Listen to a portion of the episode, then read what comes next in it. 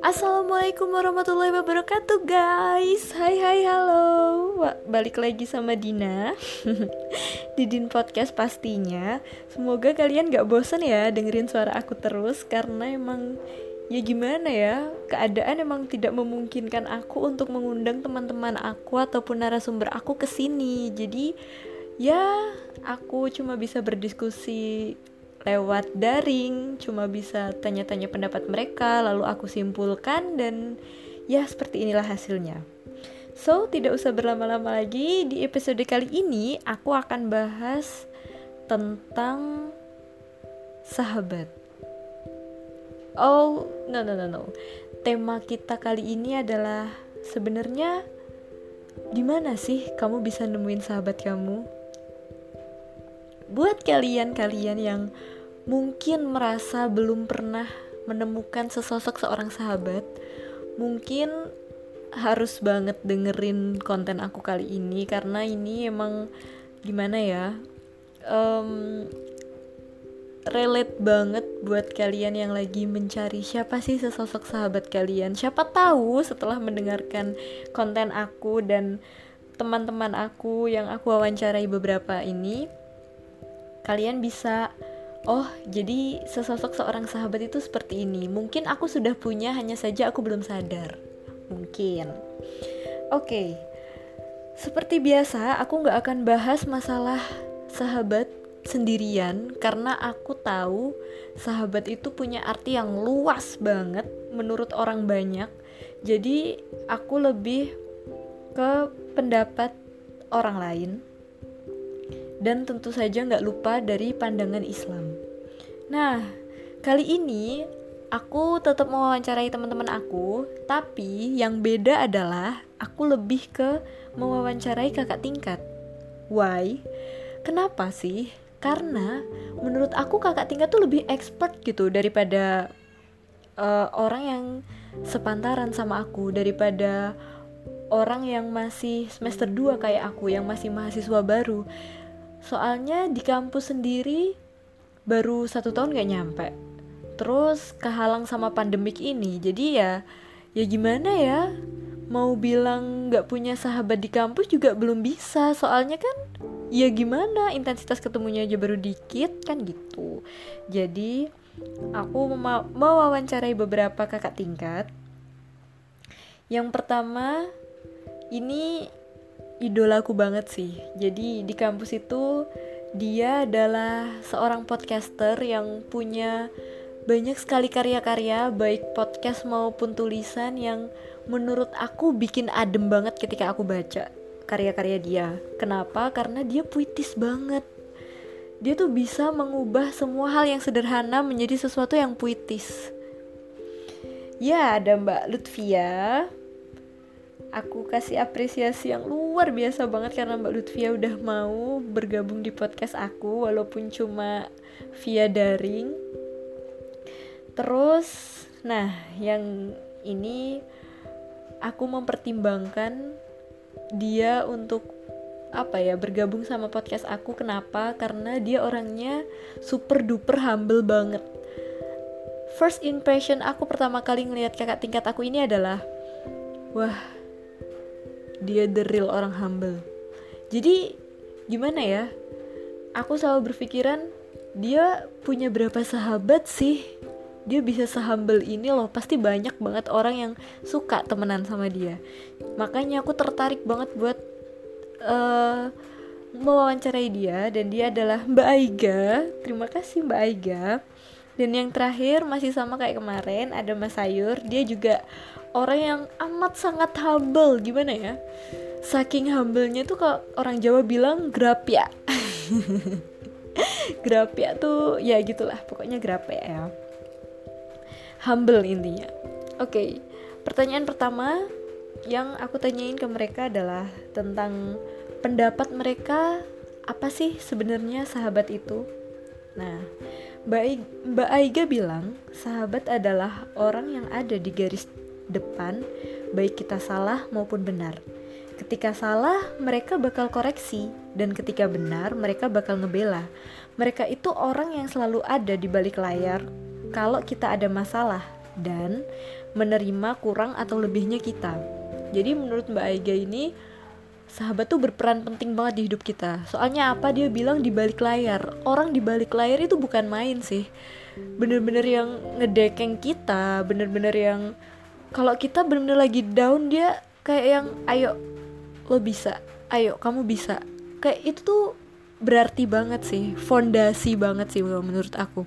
Dan sepakat ya soalnya gimana? Karena seperti yang ada di pikiran aku sahabat itu juga gak cuma sekedar teman bercanda ataupun teman waktu seneng-seneng aja tapi dia tahu perjalanan hidup kita itu seperti apa dan dia mendampingi kita apa pun keadaannya. As always kalau menurut aku. Selanjutnya, Mbak Lutfia bilang, sahabat itu tergambar lewat tiga, telinga, teman berjalan, dan penuntun. Kalau telinga, sahabat itu selalu mendengarkan apa yang kita bicarakan, curhatan lagi seneng, curhatan lagi sedih, bahkan kalau kita memberi saran, dia juga mendengarkan dengan baik. Teman berjalan, Ya, seperti pada umumnya, yang banyak dikatakan di luar sana bahwa sahabat gak pernah meninggalkan kita kecuali lewat kematian. Bahkan kalau kita nikah pun bakal tetap komunikasi sama sahabat. Ibaratnya, sahabat itu tahu proses hidup kita. Sama seperti yang aku bilang tadi. Mbak Lutfia juga bilang kalau sahabat itu tahu proses hidup kita. Lalu yang ketiga ada penuntun. Ini paling penting sih menurut Mbak Lutfia sahabat itu yang saling mengingatkan untuk ke surga bareng. Jadi nggak cuma hahaha aja, tapi juga penuntun ke arah yang baik, kayak imam. Ya emang sih. Uh, gimana ya? Menurut Mbak Lutfia sahabat itu luas. Dia bisa menjadi telinga, dia bisa menjadi teman berjalan, dan dia bisa menjadi penuntun dan nggak cuma dirangkum dalam hal keduniawian aja, Mbak Lutfia juga merangkum sesosok seorang sahabat ini ke dalam islami. Dan ini menarik banget sih. Nanti juga akan aku bahas sendiri ya. Lalu lanjut. Mas Hayur sendiri bilang sahabat itu segalanya. Persahabatan itu hampir sejajar sama keluarga tempat kita mengekspresikan apa aja yang kita pengen. Sedih, susah, seneng, gila-gilaan dan gak ada rasa baper. Terus uh, dia juga selalu nerima kita dalam kondisi apa pun. Intinya dari statement mereka bertiga ini nggak jauh beda semua ya. So mereka semua berpendapat kalau sahabat itu adalah sesosok yang paling penting di hidup kita. Sesosok yang mempunyai peran yang paling mendasar di hidup kita sih selain orang tua di sini ya. Dan aku juga sempet tanya sama teman aku dan yang paling menarik aku suka jawaban dia yang ini. Denis dia bilang persahabatan itu nggak bisa diungkapi dengan kata-kata. Katanya kalau mau lihat seperti apa dirimu ya kamu lihat saja sahabat-sahabatmu jadi sahabat itu cerminan diri nah dari sini aku bisa tarik kesimpulan kalau Denis ini berpikir kalau sahabat itu ya kayak apa yang ada di diri kita, kita lihat sahabat kita sama aja kita lihat diri kita. Well, sahabat itu intinya orang yang sefrekuensi sama kita. Dan aku bener-bener setuju sama statementnya Dennis dan aku suka banget. Lanjut ya. Jadi level tertinggi dari persahabatan itu kalau kita nggak ngomongin sahabat kita sendiri di belakang. Mbak Lutfia bilang Iya, itu sangat-sangat benar sekali. Dan bahkan bisa aku benarkan 100% kalau yang ini. Karena aku punya pengalaman, emang level tertinggi persahabatan itu saat dia nggak ngomongin kita di belakang dan kita nggak ngomongin dia di belakang. Ibaratnya gini, misal, um, Mbak Lutfia temenan sama aku, sama Ella, dan sama Mbak Tika. Nah, Mbak Tika agak nyebelin nih tapi Mbak Lutfia nggak berani ngomong. Malah ngomongnya ke aku dan ke Mbak Ella. Kok Tika gini sih? Gitu misalnya. Nah itu namanya belum sahabat menurutnya Mbak Lutfia. Dan Mbak Lutfia pernah merasakan yang namanya sahabat itu mau kita jelek, mau ngomongin hal-hal jelek tentang kita, itu semuanya diomongin di depan. Jadi apa pun yang baik dan apa pun yang buruk, dia akan selalu ngomong di depan dengan nada yang tidak menyudutkan. Dengan nada menggertak tetapi halus. Selama kita bisa menerima saran dia, bisa menerima waktu dia menggertak kita, dan waktu dia ngasih kita hal-hal yang buruk itu, berarti itulah sahabat kita jadi emang uh, menurut Mbak Lutfia tuh level tertinggi persahabatan itu adalah ketika dia nggak pernah ngomongin kita di belakang dan begitu pun sebaliknya. Lagi-lagi intinya adalah hubungan timbal balik. Lagi-lagi apa ya ketika dia nggak ngomongin kita dan kita nggak ngomongin dia itu adalah sahabat yang sebenarnya. Lanjut Mbak Aiga bilang yang namanya sahabat itu nggak bakalan ngomongin dari belakang kecuali tentang hal-hal baik. Misalnya dia baik dia pinter dan lain-lain. Kalau ngomongin kalau ngomongin pun mungkin itu lebih disebut temen deket kali ya bukan sahabat. Ya emang sih temen deket dan sahabat itu beda kalau menurut aku juga gitu. Karena emang ada fase-fasenya tersendiri. Misal dari pertama kita kenal kenalan terus jadi temen dulu barulah bisa berkembang jadi teman dekat dan sampai akhirnya menjadi seorang sahabat itu benar-benar proses yang panjang sih menurut aku. Dan kalau kita masih doyan ngomongin teman kita di belakang itu belum sahabat sih. Masih bisa tergolong teman dekat. Dan Mbak Ega juga menambahkan kalau level tertinggi persahabatan itu ketika kalian beda pendapat tapi itu nggak akan bertahan lama kalian bakal balik lagi. Intinya, kalian tuh kayak nggak bisa dipisahin dengan apa pun. Sejauh kalian melangkah, sejauh itu juga kalian bakal ngerasa kehilangan satu sama lain. Dan ujung-ujungnya juga bakal balik lagi. Dan emang bener banget, aku udah ngerasain berkali-kali berantem sama teman-teman aku, sama sahabat-sahabat aku. Dan seberapa lama pun aku berantem sama dia, aku akan selalu merasa kalau dia tuh sahabat aku dan gak akan pernah berubah. Jadi selama apa pun aku berantem sama dia, akan balik lagi ya gimana dong? Jadi ya kayak ikatan batin kali ya. Oke lanjut. Pertanyaan selanjutnya aku tanya ke mereka. Biasanya banyak yang bilang kalau temen kuliah itu fake friends. Dan sebagian besar kita bisa nemuin sah sahabat kita, sesosok sahabat kita itu lewat bangku sekolah. Nah, itu bener apa enggak sih? Mas Sayur bilang, itu ada salahnya tapi juga bisa dibenarkan. Salahnya karena nggak semua kayak gitu. Ada kok yang baru kuliah baru dapat sahabat sejati tapi ada benernya juga sih karena faktor sering ketemu. Kan kalau di bangku sekolah khususnya ketemunya setiap hari dari pagi sampai pulang. Jadi intensitasnya itu lebih banyak. Kalau kuliah cuma waktu ada jadwalnya aja habis itu pulang kan. Jadi ini cuma masalah intensitas ketemu sih kalau Mas Sayur berpendapat. Jadi gimana ya? Selain sahabat itu adalah teman yang sefrekuensi sama kita, keintensitasan kita buat ketemu juga mempengaruhi sih dia sahabat kita atau bukan. Aku juga sepakat sama ini. Karena dengan adanya pandemi ini tuh jadi kayak aku yang baru dua semester dan aku yang sedang mencari-cari siapa sih sesosok sahabat aku di kampus tuh menjadi terhalang banget. Karena emang gimana ya? Kita berinteraksi cuma sebatas telepon gitu. Nggak ngerti feelnya nggak kerasa gimana apa ya gimana sih feelnya kalau ketemu bareng kayak gitu. Jadi emang pertemuan itu tuh penting banget sih menurut aku juga gitu. Lalu Mbak Aiga bilang itu relatif ke orangnya sih.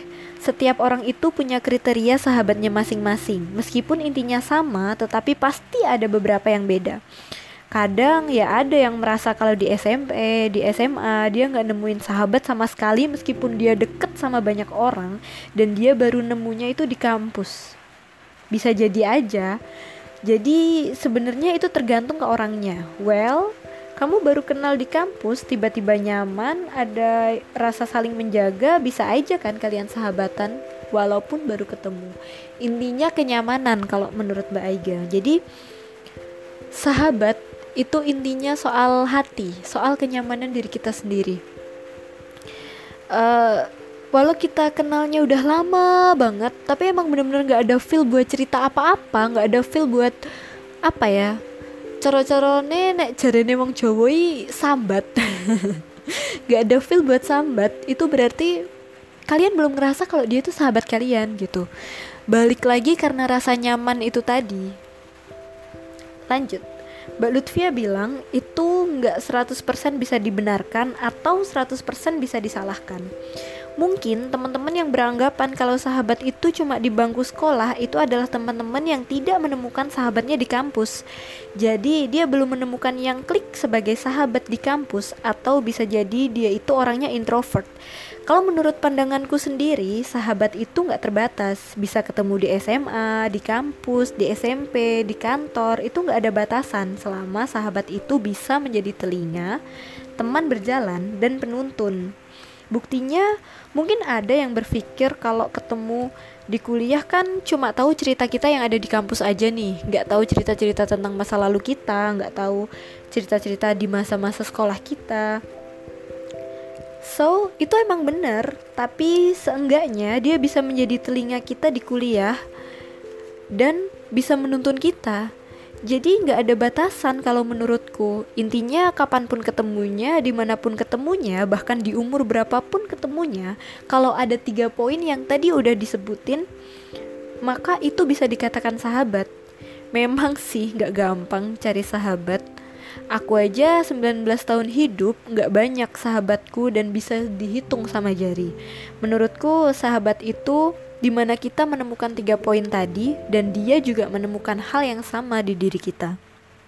Jadi gak cuma kita aja yang menemukan itu di diri mereka Mereka pun juga merasakan kalau mereka menemukan hal yang sama di diri kita Itu barulah sahabat yang dikatakan sama Mbak Lutfia Aku setuju sih Dan lagi-lagi intinya adalah hubungan timbal balik. Kalau cuma satu arah namanya bukan sahabat guys. Well di garis bawain ya kalau cuma satu arah namanya bukan sahabat. Nah ini adalah pertanyaan yang paling penting kalau menurut aku. Jadi kalian menemuin sahabat kalian itu di mana sih? Nah kata Mbak Aiga dia mempunyai sahabat pertamanya itu di SMP dan sampai sekarang tapi karena aku sama dia beda sekolah waktu SMA dan waktu kuliah juga beda aku nemuin beberapa sahabat baru semenjak itu. Dan anehnya, meskipun aku deket sama satu geng misalnya, pasti yang bener-bener sahabat itu cuma satu atau dua orang aja. Nah, ini balik lagi ke yang kata Mbak Lutfia klik menjadi sahabat tadi. Jadi tinggal gimana hati kita. Lagi-lagi Mbak Aja ini menyampaikan tentang kenyamanan ya. Dia nyamannya cuma satu atau dua orang aja dalam satu geng itu. So, yang dianggap sahabat ya cuma satu atau dua orang itu aja. Dan aku rasa nggak cuma Mbak Aiga sih yang kayak gitu. Banyak orang yang kayak gitu. Misalnya kayak aku sih aku sendiri. Aku punya pengalaman aku punya geng di uh, di SMA dan kita berbanyak tapi ya gitu aku cuma bisa cerita masalah-masalah pribadi aku tuh cuma ke satu atau dua orang aja. Nggak mungkin aku share tentang cerita aku ke mereka semua. Karena emang gimana ya seorang sahabat itu ya gimana ya seorang sahabat itu tuh masalah hati sih soalnya. Jadi emang susah kalau mau dijelasin sama kata-kata. So Mas Sayur bilang kebetulan Mas Sayur tuh punya sahabat di setiap tingkatan dia punya sahabat di SD, SMP, SMA, bahkan kampus sekalipun dia punya. Ini keren banget sih menurutku. Berarti dia punya pemikiran yang luas, dia punya apa ya dia punya cara berkomunikasi yang bisa diterima sama banyak orang secara nemuin sahabat itu tuh nggak semudah kita ngebalik telapak tangan atau semudah kita uh, melangkah gitu aja sih jadi emang sahabat tuh butuh proses seperti yang aku bilang tadi kayak kenalan jadi temen dulu temen deket barulah bisa sampai ke level sahabat. Tapi Mas Sayur bisa nemuin di semua tingkatan dan itu yang bikin aku salut sama dia. Dan emang nggak salah uh, perspektif aku di awal kalau dia emang drill orang humble. Jadi emang ya gimana ya namanya orang humble tuh bisa bikin banyak orang nyaman gitu buat sahabatan sama dia So mungkin aja banyak orang yang nyaman sahabatan sama dia dan dia pun juga nyaman. Jadi ya di semua tingkatan dia punya sahabat. dan hmm, lanjut di pertanyaan selanjutnya aku tanya masalah pengalaman nih share dong pengalaman bareng sahabat kalian bisa yang paling berkesan Mas Sayur punya pengalaman. Dia tuh pernah suka sama cewek waktu kelas 3 SMP katanya. Namanya aku sebutin anonim aja ya. Jadi sahabatku tahu kalau aku naksir cewek. Malah di depanku mereka tukeran hasduk pramuka dong. Dan sialnya si anonim ini malah ketawa-tawa pengen ngajak gelut deh rasanya. Jadi tuh waktu SMP tuh ya biasa ya kayak suka-sukaan sama cewek kayak gitu-gitu. Jadi temennya eh bukan temen sih sahabatnya Mas Air ini tuh kayak yang ngegodain gitu loh. Terus ya ya gitu. Jadinya dia sebel. Lanjut. Mbak Ega bilang kalau percaya nggak kalau aku sama sahabatku itu nggak pernah berantem Mungkin yang paling berkesan itu sahabatku waktu SMP. Dia tuh paling dipercaya sama keluargaku. Semua sahabat-sahabatku aku kenalin ke dia semua biar dia tahu harus nyari aku ke mana. Dia meskipun kita nggak kabar-kabaran 2 tahun sekalipun tetap nggak bakal canggung. Kita punya impian buat berantem, tapi alhamdulillahnya sampai sekarang nggak pernah, nggak betah soalnya. Nah, ini sih dari sahabat ya menurut aku ya. Jadi ya gimana ya? Yang namanya sahabat tuh kayak yang lagi berantem sehari aja tuh rasanya udah yang kayak aduh aku bego banget sih. Dia tuh satu-satunya orang yang peduli loh. Tapi kenapa sih aku malah berantem sama dia? Kayak kayak ngerasa kayak gitu-gitu sih. Lanjut. Mbak Lutfia bilang Alhamdulillah saat ini aku dikelilingi sama orang-orang yang baik. Jadi aku sama teman-temanku sering punya momen kita saling mengungkapkan saran dari masing-masing individu. Jadi kita nggak sungkan untuk mengungkapkan apa pun. Itu baru yang namanya sahabat. Dan benar sih, uh, kalau kita punya hubungan persahabatan itu kayak yang satu momen di mana kita ketemu, di mana kita duduk bareng, kita pasti bakal ngomongin yang namanya lo gini, kekurangan lo gini gini gini. Tapi gue salut banget sih sama kelebihan lo yang kayak gini gini gini. Kayak gitu sih. Kayak emang bener-bener harus membicarakan masalah karakter kita masing-masing bukan untuk meremehkan atau menjelek-jelekan ya tapi untuk uh, memperbaiki untuk teguran untuk cerminan buat diri kita sendiri. Dan ini adalah salah satu peran penting sahabat sih menurutku. Jadi sebelum kita menginjak ke sahabat dalam pandangan Islam, aku mau ngasih kesimpulan dulu dari narasumber-narasumber aku ini, dari mbak-mbak dan mas aku ini. Jadi intinya, sahabat itu tuh hubungan timbal balik. Sahabat itu adalah telinga, teman berjalan, dan penuntun. Dan sahabat itu adalah orang di balik layar yang selalu ada buat kita Selain itu juga sahabat itu adalah segalanya, hampir kayak keluarga. Nah, sedangkan kita kalau punya sahabat, kita nggak akan ngomongin dia di belakang. Itu baru yang namanya drill sahabat. Dan dia akan selalu ada meskipun kita lagi susah, seneng, sedih, kacau, bahkan bener-bener terpuruk dia bahkan siap buat nemenin kita kapan pun itu itu adalah sahabat so buat kalian yang mungkin belum menemukan sahabat sudah adakah perasaan itu pada teman-teman kalian? Kalau misalnya ada, mungkin aja itu adalah sahabat kalian yang belum kalian sadari. Coba kita lihat di sekitar kita, coba kita lihat ada berapa banyak teman kita dan kita lihat ada berapa banyak sahabat kita. Coba kita lihat deh, kita perhatiin satu-satu. Oh ini yang benar-benar sahabat. Ini yang bukan.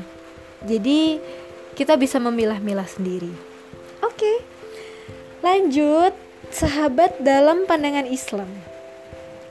Dalam Islam sahabat sangat penting Terbukti Rasulullah saja menganggil, memanggil pengikutnya yang hidup bersamanya dengan nama sahabat, bukan murid ataupun pengikut. Rasulullah bersabda yang artinya, Janganlah kalian mencaci sahabat-sahabatku. Demi Allah, seandainya kamu berinfak dengan emas sebesar gunung Uhud, sedekah itu tidak sebanding dengan satu mut atau dua genggam tangan maupun setengahnya pemberian salah seorang dari mereka. Hadis riwayat Bukhari dan Muslim.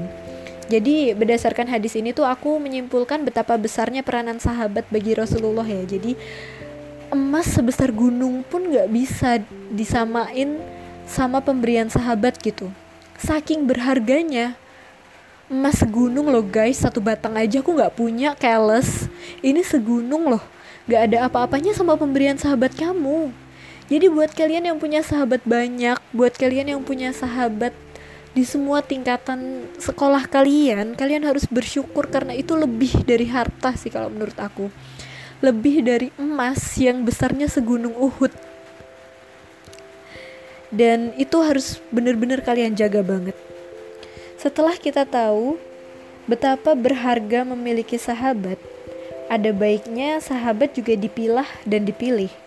Karena di hari kiamat ada sekelompok manusia yang hidup dan matinya bersahabat, tapi ketika dibangkitkan mereka malah bermusuhan. Seperti dalam ayat berikut. A'udzubillahiminasyaitonirrajim. Bismillahirrahmanirrahim al ahila yauma idim ba'duhum li ba'din aduwun illal muttaqin. Artinya hari itu para sahabat bermusuhan kecuali orang-orang yang bertakwa. Quran surat Az-Zukhruf ayat 67 jadi dari surat ini kita tuh diperingatkan banget buat harus benar-benar memilih sahabat yang bisa kita ajak bersama gak cuma di dunia aja tapi juga bisa kita ajak bareng-bareng di akhirat. Karena emang kehidupan kita yang kekal kehidupan kita yang abadi itu sebenarnya ada di akhirat. So kita nggak cuma harus memilih sahabat yang bikin kita nyaman aja tapi juga bisa ngajak kita ke surga kayak yang dikata sama Mbak Lutfia tadi. Jadi emang penuntun kita orang yang selalu mengingatkan kita dalam kebaikan, yang selalu mengingatkan kita sama Tuhan, dan orang yang mencintai kita karena Allah. Itu adalah sahabat sejati. Hanya orang ber hanya orang yang bertakwa yang akan berteman sampai ke surga, saling membantu dalam kebaikan, bertemu dan berpisah karena Allah. Persahabatan bukan sebatas hubungan di dunia, namun ia juga akan menentukan posisi kita di akhirat kelak. Jadi persahabatan itu emang gak cuma di dunia aja. Hello guys, dunia ini tuh cuma sesaat gitu. Kita akan hidup kekal tuh di akhirat. Jadi apa pun yang kita pikirkan, apa pun yang ada di hidup kita, apa pun yang berharga di hidup kita, usahakan itu akan tetap bertahan sampai di akhirat, termasuk sahabat. Kita mencintai sahabat kita karena Allah. Kita bersahabat pun dengan saling mengingatkan hal yang baik-baik. Menurut aku itu akan bisa kita bawa ke akhirat nanti dan itu akan sangat indah nantinya. So aku punya beberapa tips mencari sahabat menurut Islam yang mungkin bisa banget kita terapkan bagi kalian yang merasa belum merasa belum pernah punya sahabat. Dan mungkin merasa sahabatnya um, belum sesuai sama kriteria kriteria ini jangan disalahkan, jangan ditinggalkan, tetap dijaga komunikasinya, tetap dijaga hubungannya. Yang pertama, carilah sahabat sesama muslim. Iya, itu udah pasti sih kalau menurut aku. Untuk mengingatkan kita kepada Allah, mestinya harus seiman dong.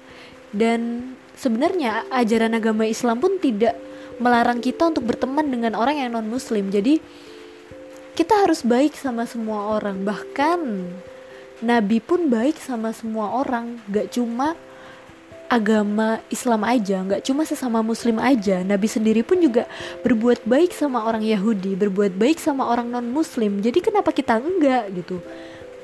Kalau emang sahabat kita yang non muslim itu baik why not tapi lebih baik lagi kalau kita punya sahabat yang sesama muslim gitu. Bukan intinya kita dilarang bersahabat sama orang yang non muslim ya.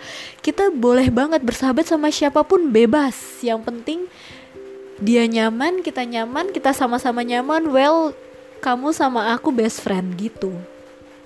Lanjut tips yang kedua dekat dengan orang soleh. Ya ibarat kata seperti kita dekat sama orang yang lagi wangi kita akan ikut wangi. Begitupun kita deket sama orang yang suka mabuk. Walaupun kita nggak ikutan mabuk, tapi kita tetap kerasa bau araknya kayak gitu. Jadi gimana ya? Sahabat itu juga pengaruh sih kalau kalau ada psikolog yang bilang lingkungan itu mempengaruhi 90% dan yang 10% itu adalah karakter pribadi aku setuju sih emang lingkungan itu bener-bener mendukung banget jadi buat kita yang cari sahabat, carilah sahabat-sahabat yang bisa menuntun kita ke surganya Allah. Cari sahabat-sahabat yang bisa membuat kita sadar sama Allah dan cari sahabat-sahabat yang bisa membawa kita bertemu nantinya di surganya Allah. Masya Allah. Yang ketiga, sahabat itu yang saling menolong. Ya, ini udah pasti sih, bukan bukan tips lagi ya kalau menurut aku kalau misalnya kita sama dia nggak saling tolong menolong, wah kita sebut sahabat kan gitu kan. Jadi sahabat itu tuh menolong tanpa pamrih, nggak ada yang minta dilebihin, dikurangin, nolong ya nolong aja gitu kan. Jadi ya itu adalah sahabat yang baik. Dan yang keempat, sahabat yang selalu menepati janji. Nah, ini. Kita semua tahu janji dalam Islam adalah hutang. Dan hutang wajib hukumnya untuk dilunasi.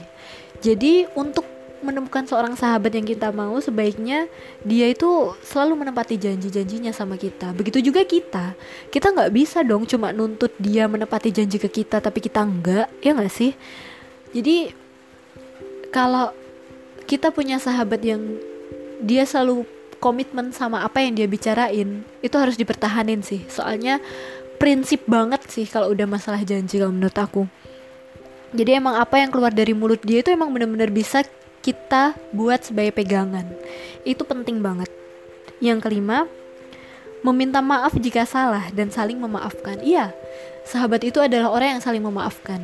Ya yang kayak tadi di awal pernah aku bilang sahabat itu tuh nggak akan bertahan lama kalau berantem kayak kayak yang Mbak Aiga bilang. Jadi kita tuh saling memaafkan aja sebesar apa pun kesalahannya sebesar apa pun masalahnya akan selalu saling memaafkan. Akan selalu ada kata maaf karena Allah sendiri aja itu maha pemaaf gitu. Allah aja pema maha pemaaf sama hamba-hambanya gimana kita gitu kan. Dan buat sedikit cerita aja. Aku punya pengalaman sih terkait maaf memaafkan sama sahabat aku. Jadi waktu itu aku sama dia tuh berantem. Dan ini berantemnya paling besar sih. Sempet nggak ngobrol selama tiga bulan. Nggak cuma nggak ngobrol sih. Nggak nggak ngapa-ngapain. Nggak tegur sapa kita kayak orang nggak kenal. Ya kita intinya musuhan lah selama tiga bulan.